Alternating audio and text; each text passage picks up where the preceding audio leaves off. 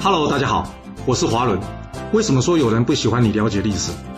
因为历史可以让你了解顶层阶级的思考方式，成为他们的竞争者，也可以让你看到许多前人成功以及失败的案例，让你的竞争对手睡不好觉。而最重要的是，历史可以让你了解人性。我们今天的主题是啊，魏惠王如何靠着对手的猪队友赢得国君宝座？我们刚刚在战国第七集的故事中有讲到啊。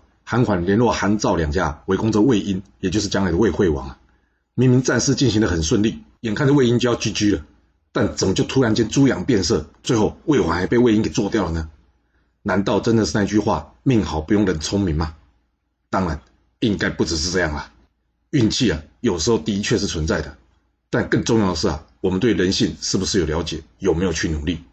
就拿今天故事为例吧。这一开始呢，赵成侯听到魏缓来讨救兵的消息啊。他立刻就觉得这是一个割取魏国、壮大造势的机会，所以呢他立刻点头答应。之后呢，从他先顾虑到魏婴可能会联络韩国，所以呢，他先一步呢邀请韩国来共同攻打这魏婴，就可以知道赵成侯不但是积极啊，而且还算是稍微有点谋略了。他宁愿自己少吃一点，但是要能确定吃得到。而且这样一来有个好处，就是他呢可以同时减少赵军在此战中啊要独自承担面对魏婴军队的损失。毕竟，要是赵国要是弱了，马上就会面对齐国或者韩国攻打赵国的机会。那韩义侯这边呢？从他答复公孙齐的话就可以知道了，他是一个比较保守的人，因为他看问题的重点呢是在风险，而不是获利。这话怎么说呢？你还记得他一开始怎么说吗？他说魏婴已经有半个魏国了，换句话说，人家已经赢了一半了，我们还要跟他争吗？不过，在公孙齐巧妙的扭转韩义侯看问题的角度之后呢，也就是正是啊。因为目前魏婴呢，只有了半个魏国，若是等他整个魏国都拿下来，我们就完全没机会了吧？这公孙齐让韩义侯了解到啊，目前的机会或是利益啊是大于风险的。但是要是魏婴执政之后呢，将来他可以对韩国造成的威胁呢，恐怕就是风险大于利益了。这一般保守性格的人啊，会重视风险规避，所以呢，衡量情势之后，韩义侯最后也同意共同出兵了。听到这，有听出什么问题来吗？你有没有发现？韩赵两国有讨论这仗最重要的问题，那就是若是战胜之后应该如何处理魏婴吗？并没有，不是吗？要知道人多嘴杂，就算一开始有共同的目标，但到了最后啊，也会因为每个人对目标定义解读不同啊，或是利益不同而造成的意见分歧。所以啊，才会有今天故事韩赵联军呐，到了最后啊，眼看就要击败魏婴的前一刻啊，突然间拆伙不完了。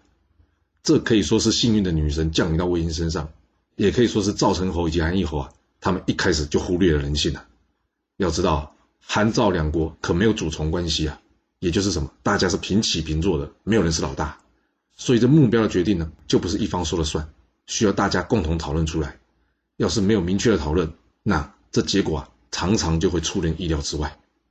千万别以为这是历史故事上才会发生的事啊。其实这种因为沟通不良导致大家受害的事啊，在职场上几乎天天上演了。就拿我之前工作的经销伙伴的状况来说吧，有的经销商在乎利润，有的呢在乎的不是利润，而是他要打进客户的供应链。反正呢五花八门，什么样不同需求都有。要是你是领导这群经销商团队的人，你要怎么处理啊？你以为原厂一声令下，经销商就会乖乖听话吗？想太多了。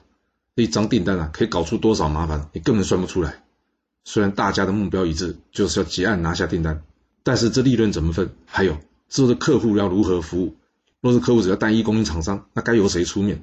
这些问题啊，若是不事先讨论好啊，结果就是啊，这经销商没有拿到该有的利润，而没有利润呢，他就不会继续后续的服务，而没有后续的服务呢，就会产生客户抱怨，而原厂就必须增加后续客户维护的成本。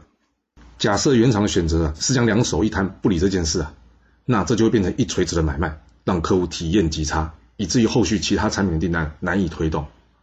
在我看到啊成功的此类销售案例中啊，几乎都是主导的业务啊，从一开始啊以及过程中啊就掌握状况以及及时沟通，而不是什么都说好好，只要客户同意先下单再说。